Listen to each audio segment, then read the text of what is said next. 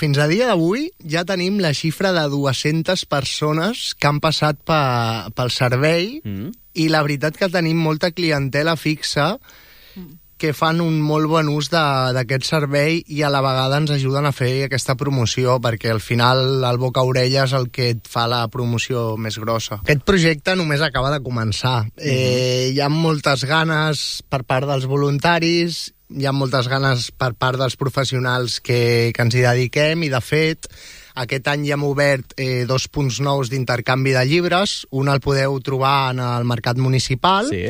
l'altre en el Centre Cívic, i aquesta setmana hem tancat un nou punt d'obertura que obrirem a Conex. Molt bé.